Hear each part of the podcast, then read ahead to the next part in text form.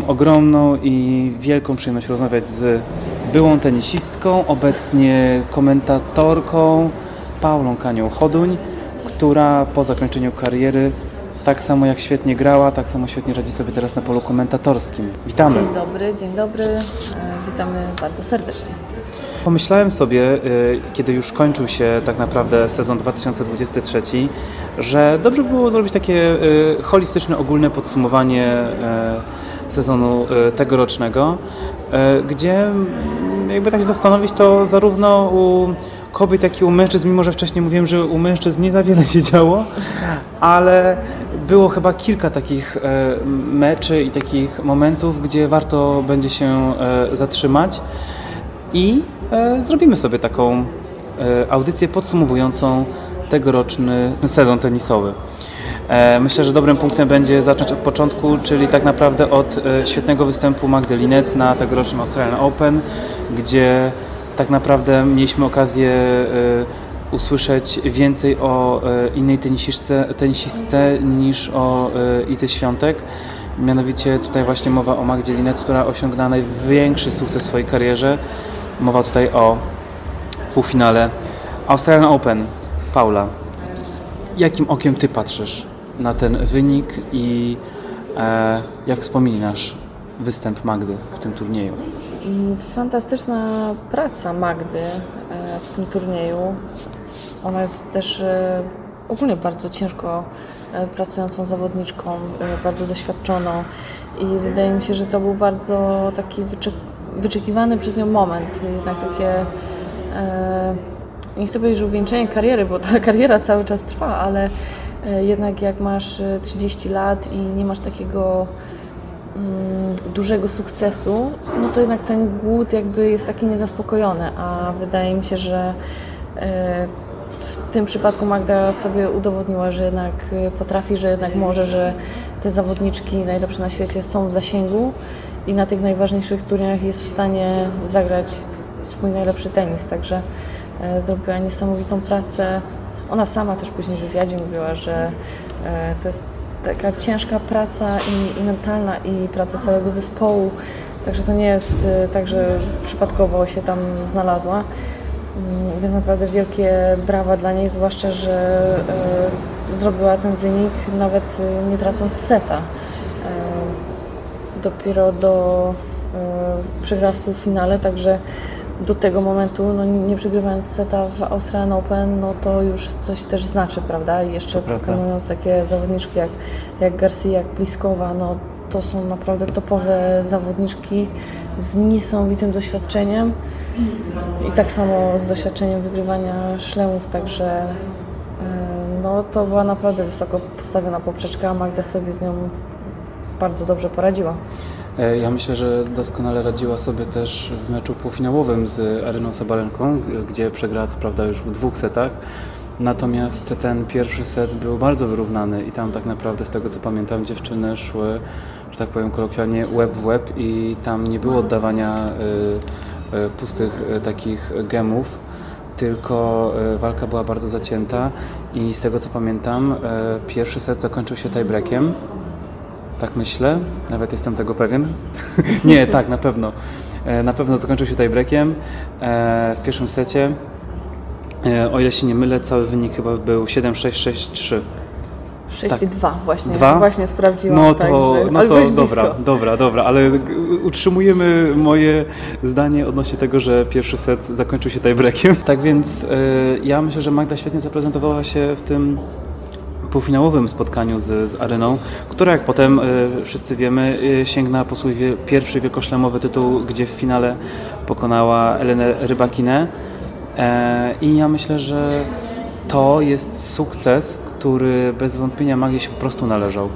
I nie dorabiałbym tutaj, ja przyznam szczerze, e, jakichś jeszcze dodatkowych historii, bo tak jak wcześniej powiedziałaś, Magda od zawsze ciężko pracowała i taki sukces takim tenisistkom się należy.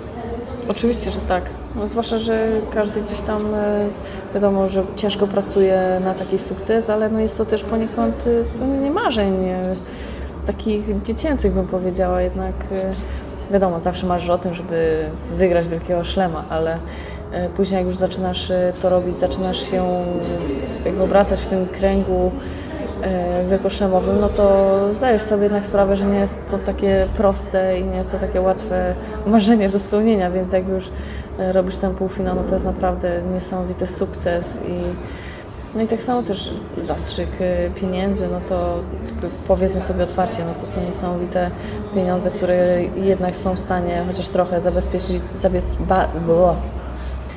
Są to jednak pieniądze, które są w stanie zabezpieczyć Ci chociaż trochę przyszłość, także też jest to moim zdaniem bardzo ważny aspekt. To jest bardzo ważny aspekt, dlatego że e, tak naprawdę mm, do opłacenia tenisistki nie mają tylko wpisowego na turniej, tak jak tak myślę, tylko do opłacenia jest trener, fizjoterapeuta, czasami prawda, dietetyk, e, coraz częściej tak naprawdę w sztabach pojawiają się psychologowie i tak dalej, czy to trenerzy na przykład, nie wiem, przygotowania motorycznego i tak naprawdę każdą z tych osób trzeba, że tak powiem, godnie opłacić. E, Do tego dochodzą pewnie hotele, przeloty i wiele, wiele innych rzeczy, o których my jako kibice nie zdajemy sobie sprawy, a zawodowi tenisiści, tenisistki muszą się z tym mierzyć. Tak, oczywiście im wyżej jesteś w rankingu, im lepiej grasz, tym te koszta są większe, no bo jednak e, wiesz, że jesteś w stanie sobie opłacić na przykład e, fizjo, który zawsze z Tobą lata. Mm, Jest to trener, jest to sparring partner. O, zapomniałem o sparingu. Dokładnie. Jest to trener na przykład przygotowania fizycznego, także no, ta ekipa latająca z zawodniczką jest bardzo y, duża. Oczywiście jest to zrozumiałe, ponieważ no, tak wygląda profesjonalny mm, tenis i, i po prostu każdy dąży do tego, żeby tak to wyglądało. No, jak jesteś na tym niższym poziomie, no to powiedzmy, że jesteś w stanie może sobie gdzieś tam zapewnić tylko obecność trenera na turnieju. No i to są właśnie koszty, o których wspomniałeś, to są hotele, to są przeloty, to są wypłaty dla tych ludzi, e, więc to jest nie tylko przelot nasz, jako zawodniczek, zawodników, e, no tylko tak samo całego sztabu. E, Wiadomo, że no, nie są to tanie rzeczy, zwłaszcza w tych czasach, e, gdzie jednak no, te bilety są dużo, dużo droższe. Mm, Więc ten zastrzyk kasy, że tak powiem, naprawdę super. I no jest to takie też, wydaje mi się, że jeżeli chodzi stricte o Magdę, tutaj ona moim zdaniem nie powinna też oczywiście narzekać, nie? bo bardzo dobrze gra od wielu, wielu lat i utrzymuje się w setce konsekwentnie chyba szósty rok Też, rzędu. też chciałem także- powiedzieć tak mniej więcej szósty rok. tak, także ona naprawdę bardzo dobrze y, dysponuje mm, z tymi środkami, z jakby tym, jak pracuje z całą drużyną i przede wszystkim też y, jakby tutaj wie- wielki szacunek za to, że nie jest coraz młodsza, a jednak y, nieźle się trzyma. To wydaje mi się, że musimy powiedzieć głośno, bez jakichś większych takich poważniejszych, o tak, y, kontuzji. Oczywiście miała operację, Była, tam zabiegi, była, tak, była, także była. to nie jest tak, że absolutnie unika tego i gdzieś tam jej się to udaje, ale widać, że dba o siebie na tyle dobrze i tak mądrze gdzieś tam tym e, zagospodarowuje, że naprawdę no, jest cała i zdrowa. E, oprócz tego, że jest cała i zdrowa, mogliśmy też e, zaobserwować, że świetnie sobie radziła w tym sezonie z byłą liderką światowego rankingu, ponieważ dwa razy ograła Wiktorię Azarenkę. Najpierw e, miało to miejsce na turnieju w Miami, e, następnie potem zagrała z nią e, przeciwko niej w zasadzie świetny mecz e, na turnieju w Pekinie, gdzie też po zaciętym meczu e, ograła Wiktorię Azarenkę. I to myślę też jest taki e, akcent w tym sezonie, który może e, dodać jej wiele pewności siebie w nadchodzącym sezonie. Oczywiście, że tak, jednak pokonując e, tak doświadczone zawodniczki, e, które jednak mają i bardzo mocne bronie, jednak też potrafią inaczej wygrywać mecze niż tylko swoim planem A, a jesteś w stanie je pokonać, no to wydaje mi się, że ta pewność siebie dosyć mocno wzrasta. E, Ja na pewno życzyłbym e, Magdzie tego, aby ta, ten wzrost pewności siebie przełożył się na wyniki e, w przyszłym sezonie. Natomiast tak już troszeczkę odbiegając od tematu Magdy, nie sposób nie wspomnieć o tym, że dla Igi Świątek to był równie emocjonujący i taki pełen zwrotów akcji sezon, gdyż jak wiemy na moment, bardzo krótki moment, straciła fotel e, liderki rankingu, na jej miejsce, że tak powiem, wskoczyła Aryna Sabalenka. E, I był to taki moment, którego myślę nikt się nie spodziewał, e, gdyż tak naprawdę mm, Iga była liderką rankingu no tak naprawdę od kwietnia 2022 roku e, i bardzo mocno trzymała e, tą posadę w światowym e, kobiecym e, tenisie. Mm, Natomiast też mogliśmy zaobserwować, że ten rok w kobiecym tenisie obfitował w taką w pewnym momencie walkę między Aryną Sabalenką a Igą Świątek o to, która zajmie e, ten fotel liderki, gdyż po sukcesie e, Aryny Sabalenki w Australian Open e, ona sukcesywnie zaczęła doganiać Igę. Ograła ją też w sumie, z tego co pamiętam, e, na turnieju w Madrycie. E, Więc to też gdzieś tam, e, prawda, przybliżyło ją do tego, aby osiągnąć wymarzony fotel liderki. Jeżeli chodzi o te zwroty akcji, kurczę, wydaje mi się, że Iga też trochę nas y, przyzwyczaiła y, do tego, że ona cały czas wygrywa. Jeżeli tylko y, nadszedł ten moment, gdzie Sabalenka ją dogoniła i to ona zajęła fotel y, liderki, no to była, miałam takie wrażenie, wielka afera, że jak to się stało, że Iga gra, słyszałam takie opinie, y, jeden ze swoich słabszych sezonów. Także no, wydaje mi się, że jest trochę nieuzasadnione. E, takie, e, takie głosy, takie komentarze. No, jakby wygrała French Open, wygrała kilka bardzo dużych turniejów, wygrała WTA Finals. E, fo, naprawdę życzę każdemu, absolutnie każdemu zawodnikowi, żeby miał taki w cudzysłowie e, zły sezon. Mm, ona nie jest robotem i nie może wygrywać e, cały czas, ale właśnie tutaj przed chwilką sobie patrzyliśmy, jak wyglądają e, jakby takie mecze, które są zaznaczone na zielono i wszystkie ostatnie, to jest ich bodajże ponad 10, wszystkie są na zielono, także nie przegrała żadnego. Ona była bardzo konsekwentna e, w tych zwycięstwach z najważniejszymi e, tenisistkami. Tak naprawdę tych potknięć to e, możemy policzyć e, na palcach jednej ręki, jeśli chodzi o e, przegrane z e, tenisistkami e, z top 10, bo mi na myśl przychodzą, przychodzi przegrana z Jessicą Pegulą w Montrealu, przegrana z Areną Sabalenką w, finale turnieju w Madrycie i przegrana z Eleną Rybakiną w czwartej rundzie Australian Open, co jak dobrze pamiętam wtedy był, tak, był to taki chyba sygnał ostrzegawczy, że, znaczy może nie tyle sygnał ostrzegawczy, co taki sygnał, że no, Iga nie jest robotem.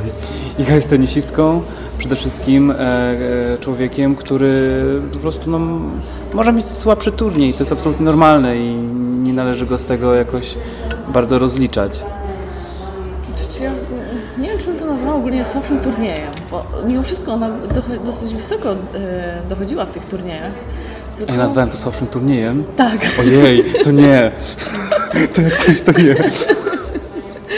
Nie, nie, nie. Cofamy to, to nie były słabsze turnieje, tylko po prostu przegrane mecze, gdzie mm, jest to wpisane w naszą karierę tenisową i wydaje mi się, że to jest też fajne z jednej strony, że jednak coś się dzieje. No jakbyśmy mieli cały czas Igę, która absolutnie wszystko wygrywa, no, to nuda no trochę. nie, no nuda, bo tak naprawdę później, kiedy są te turnieje e, za oceanem, czy, czy prawda w Australii, no nawet nie ma sensu wstawać o tej szóstej i sprawdzać tych wyników, kto wygrał, bo w sumie wiadomo, także można się zebrać do pracy i iść i robić swoje, a nie sprawdzać. Dokładnie, także to jest właśnie super, że e, te zawodniczki za Igą są w stanie chociaż trochę stawić jej czoła.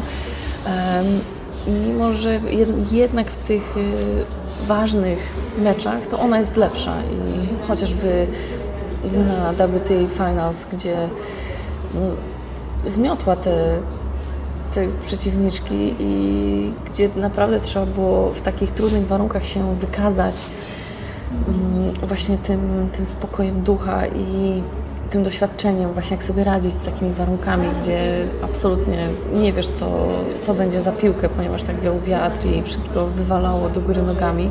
Jak w Finals na przykład. No właśnie, właśnie o tym mówię, y, więc y, no to jakby ona tam pokazała właśnie tą swoją y, wyższość nad, nad całą resztą i to samo kiedyś powiedział Roger Federer, że to są warunki, w których on może pokazać swój talent i wykazać się, ponieważ w idealnych warunkach każdy potrafi dobrze zagrać, ale on jako ten człowiek, który ma tak wielki talent i jest niezwyciężony, no to to jest ten moment, gdzie on może się właśnie pokazać i no tutaj wydaje mi się, że Liga no idealnie to jakby odzwierciedliła właśnie tego Rogera, który kiedyś to powiedział, no to właśnie była cała, e, cała Iga w, w Meksyku.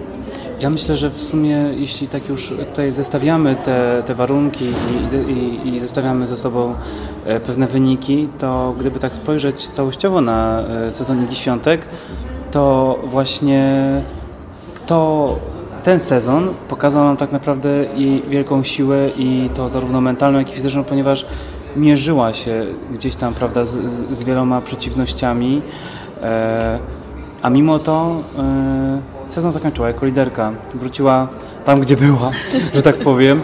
I to myślę, e, może pokazać kibicom, że, że mamy wielką tenisistkę. I teraz po tym sezonie już tak namacalnie możemy to powiedzieć, że mamy, mamy wielką gwiazdę światowego tenisa, która jest w stanie wybrnąć z gorszych, gorszych, a chociaż nie, może to słowo gorszych nie, z niewygodnych, z niewygodnych sytuacji. O tak, niewygodne. To, to na pewno. Ona sama też powiedziała, że miała świadomość tego, że jednak ludzie, duża część y, czeka na to, że ona straci tą pozycję, y, tę pozycję liderki. I to na pewno siedzi w głowie jednak, y, gdzie wiesz, że ludzie nie do końca dobrze Ci życzą i nie stoją za Tobą murem, że Iga jest najlepsza i nawet jeżeli będzie druga, to i tak będzie dobrze, co wydaje mi się, że jest naprawdę bardzo dobrze. I naprawdę, tak powtórzę to jeszcze raz, życzę każdemu tenisiście, żeby miał właśnie takie słabe sezony jak Iga Świątek w tym roku. Ale ona jakby sama czuła tę, tę presję właśnie z, przychodzącą ze środowiska. No i przy okazji też, jeżeli jesteś numerem jeden na świecie, no to jednak obowiązki takie dookoła e, turniej, turniejowe, tenisowe, ze sponsorami, no są nieprawdopodobnie, e, jest tego wiele, także mm, to jest też dosyć takie stresujące, że jednak chcesz robić swoją robotę jak najlepiej się da. Angażujesz cały swój czas, y, całe swoje życie i życie tak samo całego sztabu, a jednak jeszcze musisz y, gdzieś tam znaleźć tę motywację i siłę na to, żeby robić takie rzeczy właśnie typu kliniki dla dzieci, sesje zdjęciowe dla sponsorów, e, sesje dla turniejów i tak dalej, i tak. Także jest tego naprawdę mnóstwo i ja sobie bardzo dobrze z tym poradziła.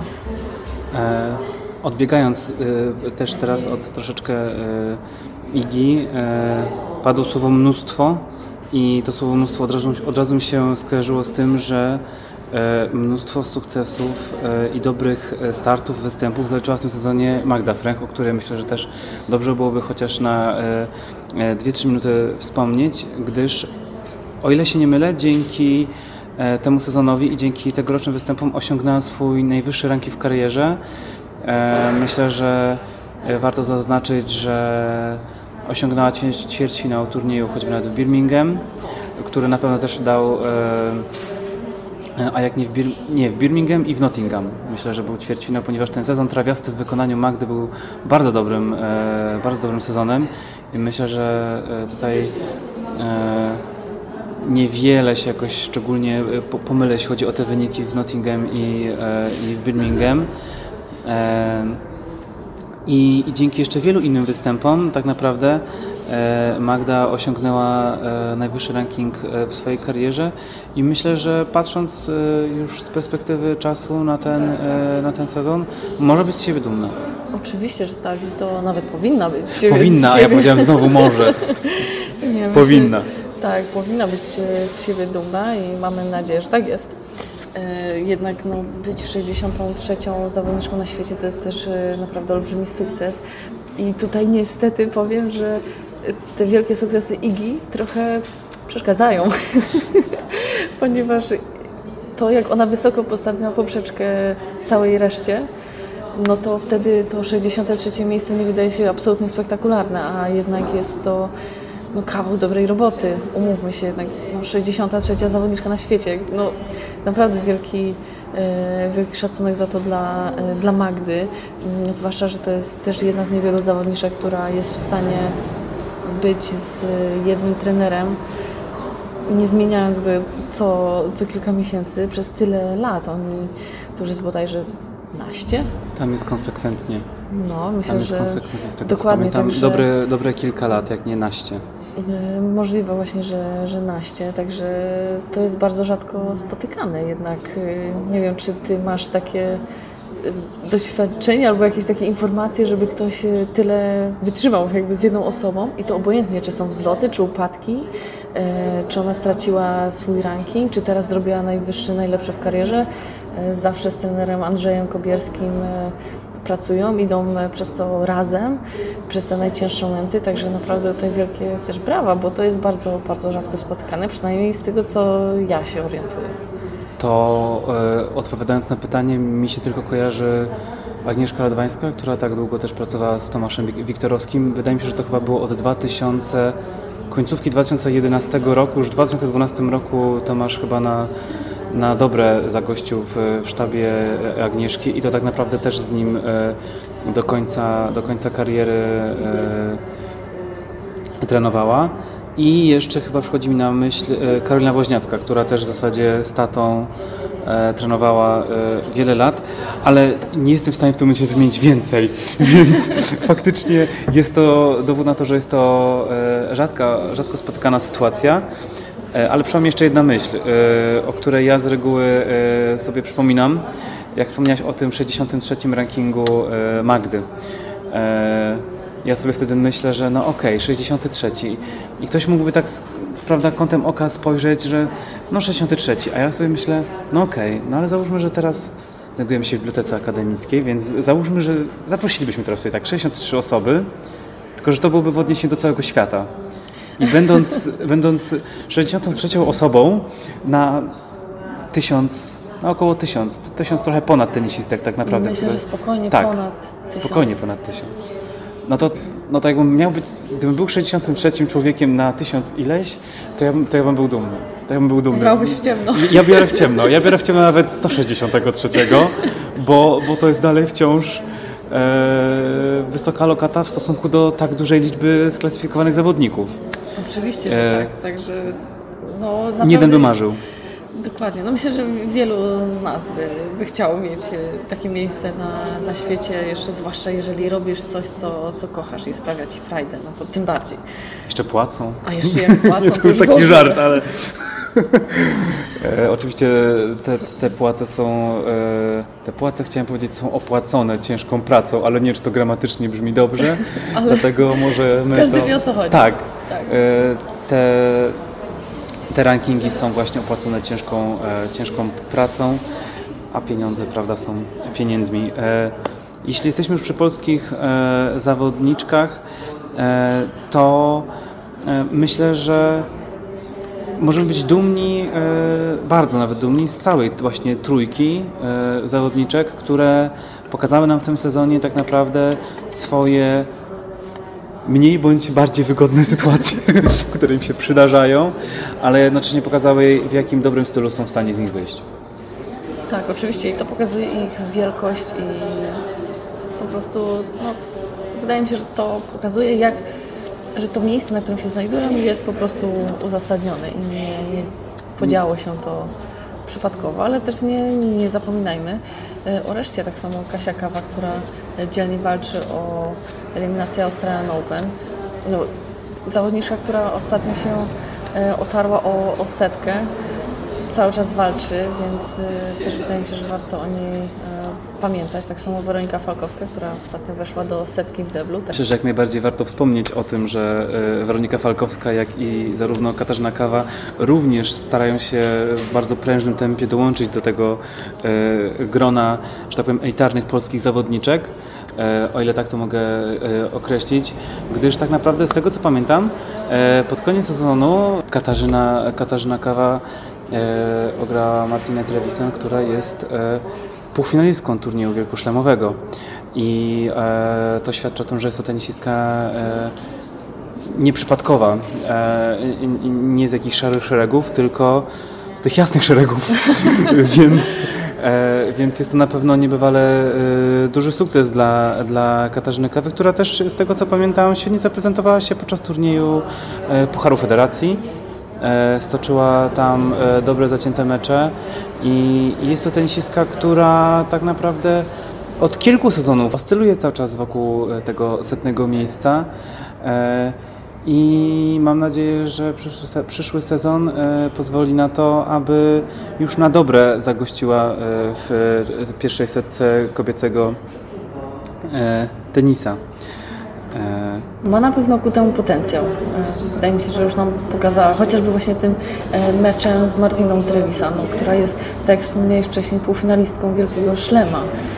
Także no, jednak musisz, że tak powiem, coś grać, żeby ogrywać takie zawodniczki. Także wydaje mi się, że tutaj Kasia ma bronię do tego, żeby grać na takim wysokim mm, poziomie. Wiadomo, że jeszcze trzeba być konsekwentnym na przestrzeni całego sezonu, jeżeli chodzi o grę na takim wysokim poziomie, ale wydaje mi się, że jeżeli tylko będzie chciała i zdrowie jej na to pozwoli, to będzie do tego kwestia czasu.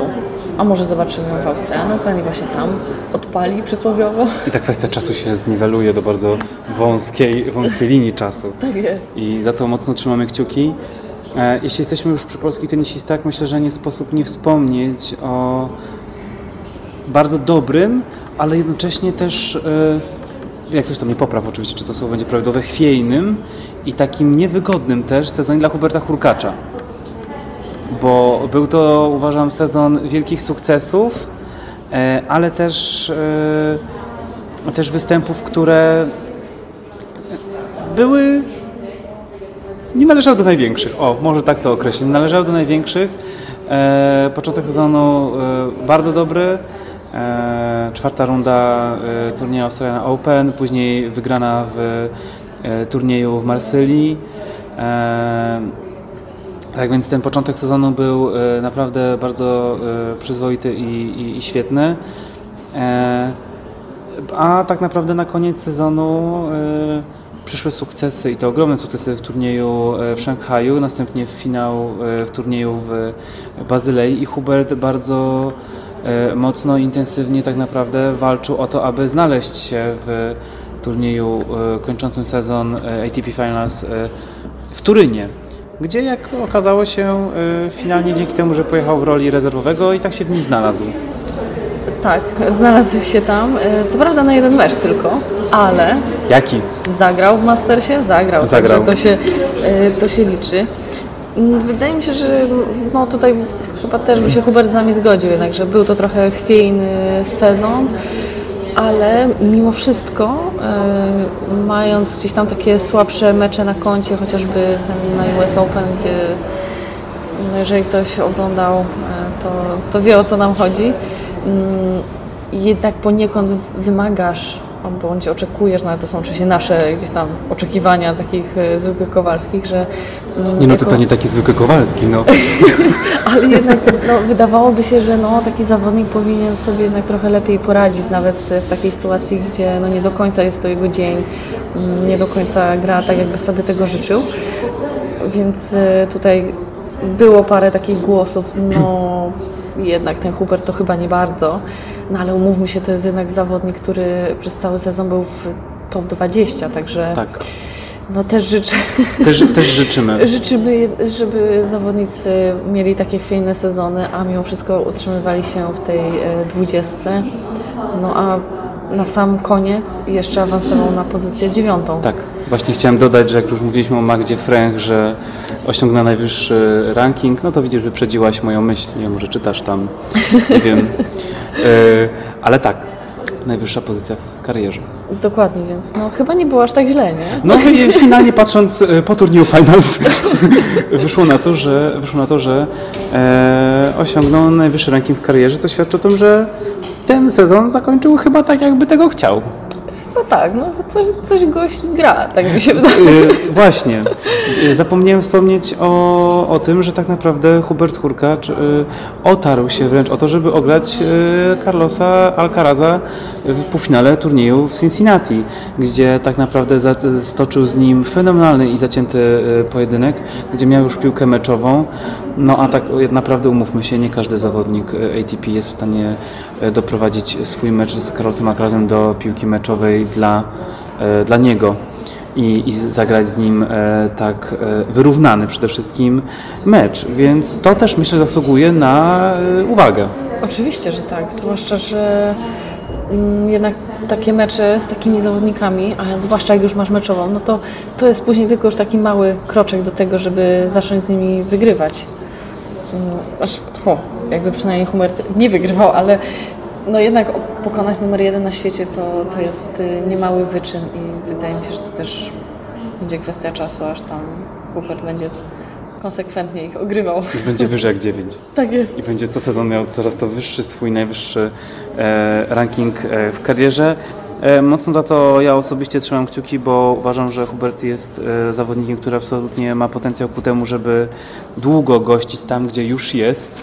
E, Mowa tutaj o, o pierwszej dziesiątce, gdyż jest niebywale atletycznie i motorycznie sprawnym zawodnikiem, co udowodnił nam przez cały okres trwania sezonu, gdzie tak naprawdę moglibyśmy stworzyć taką kompilację tylko z jego najlepszymi, jak to się mówi w żargonie, e, w żargonie tenisowym, highlightsami z najlepszymi zagraniami. Tak, właśnie większość takich y, hot Hot shotów, powiem, o, tak. y, w cudzysłowie, no to jest głównie Hubert Hurkacz. No, kurczę, to jest nie, nieprawdopodobne i trochę zazdroszczę, bo mi się bardzo podobają takie właśnie smaczki, takie rozegrania akcji, które nie są takie zwykłe, tylko jednak coś się dzieje, jakieś doślizgi, zagrania za plecami, między nogami. I to jest coś, co sprawia, że ten tenis jest bardzo ciekawy i naprawdę to może się podobać, e, może bardzo ciekawić e, nawet ludzi, którzy nie do końca się interesują tak mocno tenisem. Wydaje mi się, że to jest e, taki właśnie kroczek do tego, żeby jednak zachęcić takie, takich zwykłych Kowalskich, żeby przychodzili na mecze tenisowe, a jeszcze jak to jest Polak, no to już w ogóle.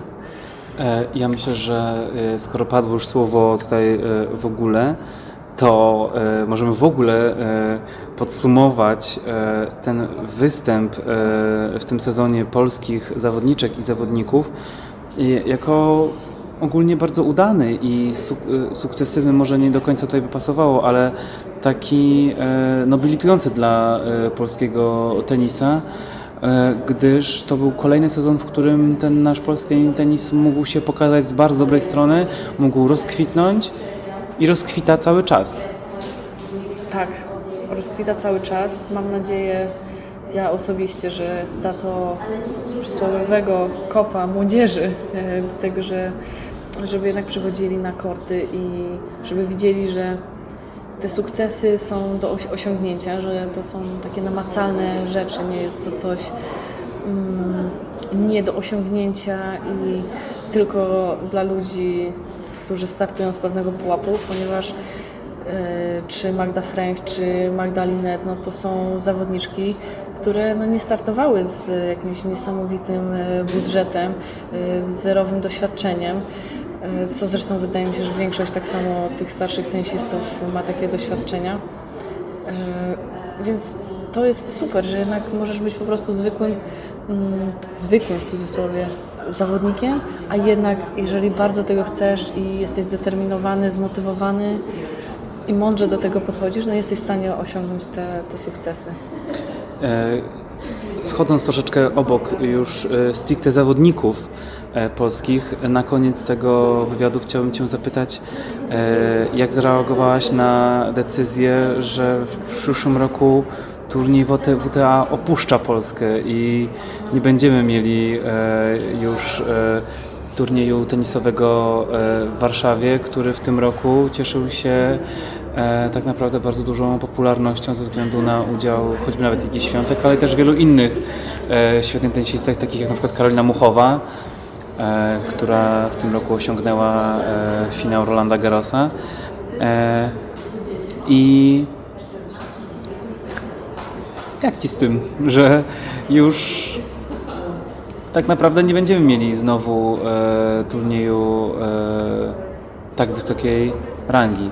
Oczywiście wielka szkoda, że nie będziemy mieli swojego turnieju mm, WTA, zwłaszcza w stolicy. No jednak umówmy się, że był to cały ten obiekt stworzony właśnie pod ten turniej. E, Te piękne hardy, które powstały, e, cała ta otoczka, ta liczba ludzi, która mm, tam się przewinęła, no to było niesamowite. Jednak widzieć, że w Polsce tenis y, potrafi tak, tak żyć i potrafi się tak podobać mm, szerszej publiczności. Więc no, dla mnie osobiście naprawdę szkoda i chciałabym, żeby jednak to, to trwało. Może nawet nie, nie w Warszawie, tylko w jakimś innym miejscu. No ale siła wyższa, no nie mamy na to wpływu, także mam nadzieję, że za te dwa lata, rok. Bo jednak- właśnie to oscyluje wokół takich dwóch lat. Mamy jednego roku mamy turniej, później go nie mamy e, i później znowu mamy. I ten, e, ja to tak obserwuję, że ta kwestia tych turniejów WTA w Polsce jest taką bardzo właśnie chwiejną kwestią. Mieliśmy długo, długo kilka lat, mieliśmy turniej WTA w Katowicach. Z tego co pamiętam, do 2003, od 2013 do 2016 roku. E, Później długo, długo nie było. Wrócił turniej w Warszawie na bardzo krótko i Tak. znowu znika. Jeszcze po, y, w międzyczasie była Gdynia. Była Był Gdynia. turniej WTA Była w Gdynia. Gdyni, także no szkoda troszkę, y, że nie ma tego, ale bądźmy dobrej myśli, że jednak powróci ten wielki tenis do, do Polski. Ja mam ciche nadzieję, że y, tutaj ta akademia tenisowa w Kozerkach, która jest niebywale światową, że tak powiem, akademią, w takim, mam tutaj bardziej na myśli y, logistycznym rozmieszczeniu kortów, jakby ta logistyka miejsca spowoduje, że, że jest to miejsce, które też ma potencjał na organizację turniejów e, WTA, choćby nawet e, organizowało już e, raz turniej WTA 125, ten taki challengerowy, że tak powiem. Tak, y, zgadza się. Jest to jeden, moim zdaniem, jeden z jakby najlepszych, to na pewno jeden z najlepszych obiektów y, w Polsce. Jednak nie ma zbyt wielu takich klubów, które y, mogłyby się pochwalić takim zapleczem, troma kortami. Jednak nawet tutaj na Śląsku, żeby znaleźć y, nawierzchnię twardą na zewnątrz, no to nie jestem w stanie sobie przypomnieć Ja też nie, miejsca. ja też nie, bo przychodzi mi tylko na myśl Pszczyna, ale Pszczyna nie ma na zewnątrz, hard tylko mają e, nawierzchnię ceglaną. No tak, Więc- ceglana nawierzchnia tak, jest y, tak. w każdym klubie. Dokładnie. Mm, Gdzieś tam hardcourt y, pod przykryciem, pod halą łukową czy zwykłą jest, ale na zewnątrz no nie, Nie ma, ma, takiego, nie nie, ma. ma. takiego miejsca. I to jest też bardzo ciekawe, że na tak duży kraj z takimi sukcesami i to jeszcze w aglomeracji śląskiej za bardzo nie ma jak potrenować na, na zewnątrz, na, na hardzie, a to się wydaje, że e, okej, możesz pójść na halę i wgrać się w tę nawierzchnię, ale no to są jednak inne, inne warunki, one nie są takie sterylne. E, Jeżeli jedziesz na turniej na hard, na przykład na Australian Open, gdzie masz bardzo gorąco, piłka wysoko się odbija, e, jest fu, niesamowicie ciężki warun, a tutaj pomijam, że teraz mamy zimę, więc nawet byśmy z tego nie skorzystali, ale no jest, czy US Open na przykład, no to są już turnieje, do których można by było się przygotować w Polsce. Nie ma takiej e, możliwości. Musisz jechać do Warszawy i tam trenować. Chyba, że jest coś bliżej, o czym nie wiem, ale na pewno nic takiego e, klubowego, otwartego dla normalnego Kowalskiego. Padło słowo, staram się wyłapywać e, pewne e, słowa tutaj z Twojej wypowiedzi, padło słowo otwarty, dlatego ja e, Mm, Kończąc też ten wywiad, mam nadzieję, że temat tworzenia kolejnych akademii tenisowych na przyszły rok będzie bardzo otwartym tematem do tego, żeby, żeby tworzyć kolejne miejsca, które pozwolą trenować i przygotowywać się zawodnikom do największych turniejów. A wątek wielkich sukcesów e, naszych e, zawodniczek i zawodników również pozostanie otwarty na przyszły sezon i będziemy mogli się e, cieszyć ich sukcesami długo, długo, długo, długo. Także bardzo Ci dziękuję, Paula. Bardzo dziękuję. Ja tylko jeszcze chciałam dodać od siebie, jeżeli ktoś już by się zdecydował na tworzenie takiego klubu, to bardzo często się zapomina właśnie o takim zapleczu typu siłownia, jakieś miejsce do treningu ogólnorozwojowego, e, miejsca dla regeneracji na przykład. To jest coś, o czym e, bardzo często się zapomina. Nie ma takich miejsc e, zbyt wielu w Polsce, niestety. E, Chociażby patrząc na naszych e, kolegów Czechów, gdzie obojętnie gdzie nie pojedziesz, do jakiej mieściny, tam jest po prostu masz cały pakiet. E, Także tego nam życzę, jeżeli chodzi o polski tenis i o tworzenie nowych obiektów. I to były życzenia podsumowujące od mojej dzisiejszej gościni, mianowicie od Pauli Kani-Choduń, której bardzo dziękuję jeszcze raz za rozmowę. Bardzo dziękuję. Możemy to podciągnąć pod życzenia świąteczne. To podciągamy. Dzięki. Wesołych świąt. O, proszę bardzo, ja też się dołączę. Dzięki. Dzięki.